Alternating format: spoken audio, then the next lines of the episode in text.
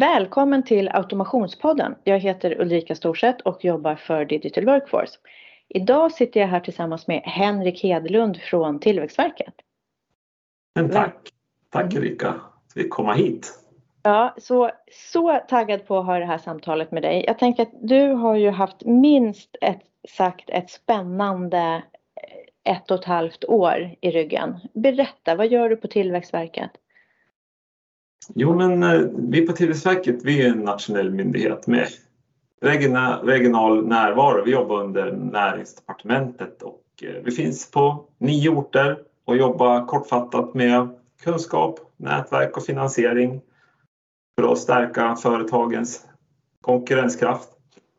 Normalt är jag ju produktägare då i en grupp som förvaltar myndighetens stödärendehanteringssystem. Men under pandemin här nu då så har vi ju faktiskt byggt upp ett RPA-team då som jobbar med automation för stödet här till eh, korttidsarbete. Det är där jag jobbar nu. Mm. För, för det, det, I början på mars där så utlös ju WHO att det här är en global pandemi och regeringen sa att nu ska vi införa det här korttidsstödet och så landade det på er. Jag tänker att telefonerna måste ju ha gått varma hos er. Vad, vad hände hos er då? Ja, jag tror generaldirektören fick ett telefonsamtal där på på någon, någon helg där och eh, då var det bara att kavla upp armarna för oss och eh, det var ju ganska enkelt. Vi hade ju samma mål allihopa och var väldigt dedikerade att försöka lösa det här då. Målet var ju att företagen skulle kunna ansöka om det här redan tre veckor senare då, den 7 april. Mm. Och ja, regeringens budskap var ju att vi skulle skyndsamt ta fram en bra lösning snabbt då. Mm. Och, eh, Ja. Och det här var ju en, en, en process som inte fanns, applikationer som inte fanns, ett, alltså ett, systemstöd som inte fanns. Och att lösa det här på, på tre veckor, det är ju helt unheard of. Alltså har man gjort, haft någon insyn i hur det är att jobba med applikationsutveckling eller systemutveckling så vet man att det här är ju helt extraordinärt. Ja. Alltså förutom eh, IT och applikationer och så här så alltså, var ju vi tvungna att eh, mobilisera en helt ny del av organisationen med personal och processer och rutiner och information till företagen och men även en ny ansökanstjänst då, som klart som skulle hålla för ansökningstrycket. Och vad skulle du säga har varit framgångsfaktorerna?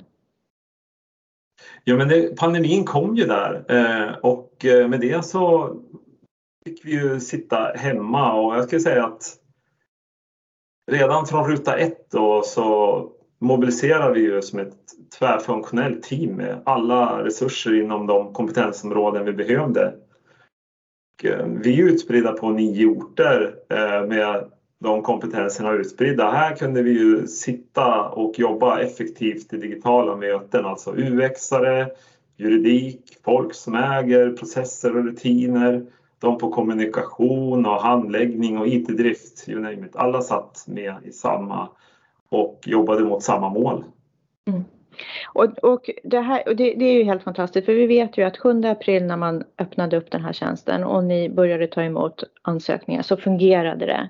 Och det jag tycker är spännande och som jag såklart gärna vill prata mer om det är ju de här digitala medarbetarna, de här RPA-robotarna som ni valde att eh, sätta in i den här processen. Berätta, liksom, hur, hur landade ni i att ni skulle använda RPA-teknologi?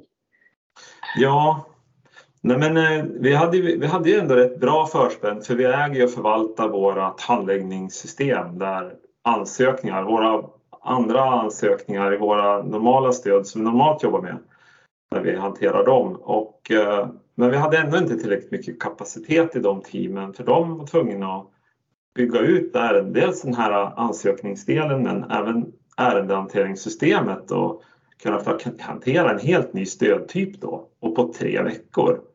Mm. Så att eh, sen eh, så var vi tvungna då att se till så att vi kunde utföra de här lagstadgade kontrollerna då på ett, typ av, ett automatiserat sätt. Annars skulle vi aldrig hinna med att betala ut det stöd som ja, behövdes för, till företagen då. För de, hade ju, de blödde ju. Det skulle vara löneutbetalningar där i april. Mm. Nej men precis och då, så då valde ni att sätta in digitala medarbetare som assistenter egentligen till era handläggare och sen så säkrade man de här utbetalningarna. Så man kan ju, vågar ju inte tänka på vad, vad hade hänt om man inte hade gjort det här? Ja, men eh, vi, jobbar ju, vi jobbade ju på ett traditionellt sätt eh, tidigare med traditionell handläggning, skrivbordshandläggning eh, och med manuella kontroller.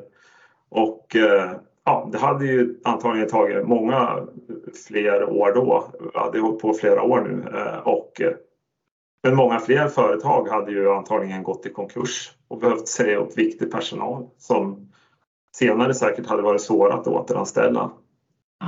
Så det är ju en fantastisk framgångssaga, helt klart. Men, men berätta, hur, för om man bara ska sätta det här lite i perspektiv, alltså Tillväxtverket 450 anställda, eh, ni tog emot 2000 ansökningar bara första dagen. Det ja, vi tog emot 4000 ansökningar. 4000 ansökningar första dagen? Ja, det var ju dubbelt så många som vi normalt tar emot på ett helt år. Ja. Och hittills, hur många ansökningar har ni tagit emot?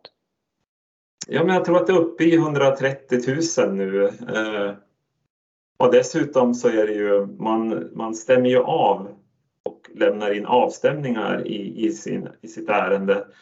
Så att förutom de 130 så har vi även fått in 200 000 avstämningar. Vi har ju betalat ut stöd till ungefär 80 000 företag hittills.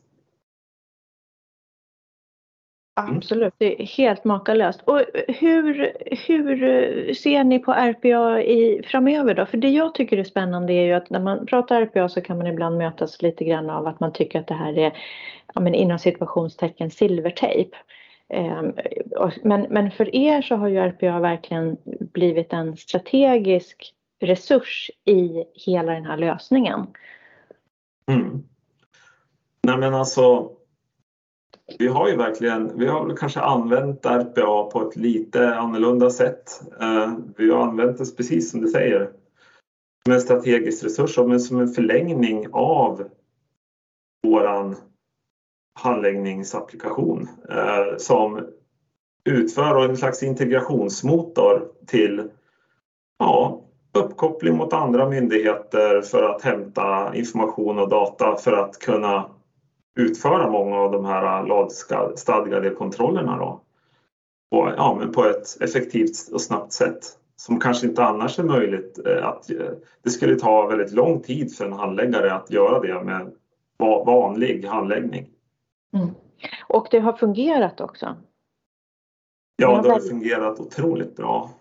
Vi har ju haft väldigt låg... Eh, normalt när man gör RPA-processer så så själva exekveringen av dem det var väldigt låg felprocent. Och det kan man väl säga att vi, vi har ju jobbat mot... Normalt när man jobbar med RPA så tänker man att eh, de, de fungerar som en, och hanterar och interagerar mot en webbsida till exempel och klickar omkring. Men här, här, har vi ju använt oss och gått direkt på API mot eh, backend. Eh, ja, backend, alltså mot server. Alltså, istället för att klicka har vi använt oss av mot API och, men även API mot andra myndigheter har, har varit väldigt stabila. Så det har ju gjort att felprocenten i RPA-processerna har varit otroligt låg, alltså till stora delar under en procent. Ja. Det är helt fantastiskt. Det här är ju verkligen ett av Europas häftigaste och mest intressanta RPA-case. Just i och med att det är så extraordinära omständigheter med att man skulle få det här på plats på så kort tid och att det är så otroligt höga volymer och att det är så bra. Mm. Men, men om vi avslutar lite med, hur ser ni på framtiden för RPA i, i er organisation? Ja, vi jobbar ju fortfarande med väldigt hög fokus på korttidsarbete och förutom den där första RPA processen som vi byggde där på de där tre veckorna i fjol så har vi ju byggt fyra till nu som är i full drift och hjälper organisationen för att korta ner handläggningstider. Det kommer vi fortsätta att göra här även en bit in i nästa år. Eh, vi kommer även fokusera lite andra saker. Det är ju, vi har ju ett stort mål på myndigheten också att, eh, kring eh, strukturfondsperioden 2021-27, EU-stöden och där vill vi ju titta på hur vi kan rida på den här vågen med att automatisera olika delar i hanteringen av det stödet. Och lite interna processer? Också. Ja, men vi har ju även hunnit bygga lite grann och fått lite bandbredd till det och eh, till exempel automatiserat. Vi har ju varit tvungna att anställa väldigt mycket ja, eh, visstidspersonal för att hantera stödet och eh, då har vi ju behövt automatisera on och offboarding processen av våra medarbetare. Så det har vi också byggt RPA-funktioner för. Eh, vi, vi försöker ju nå ut till kärnverksamheten. Eh, vi jobbar ju såklart väldigt mycket fokus på korttidsarbete men övriga processer i organisationen som internt försöker tala om vad vi gör eh, eftersom här och tända en eld och hoppas att den tar sig och så att alla medarbetare till slut förstår vad, vad man kan få användning för den en RPA-assistent. Mm.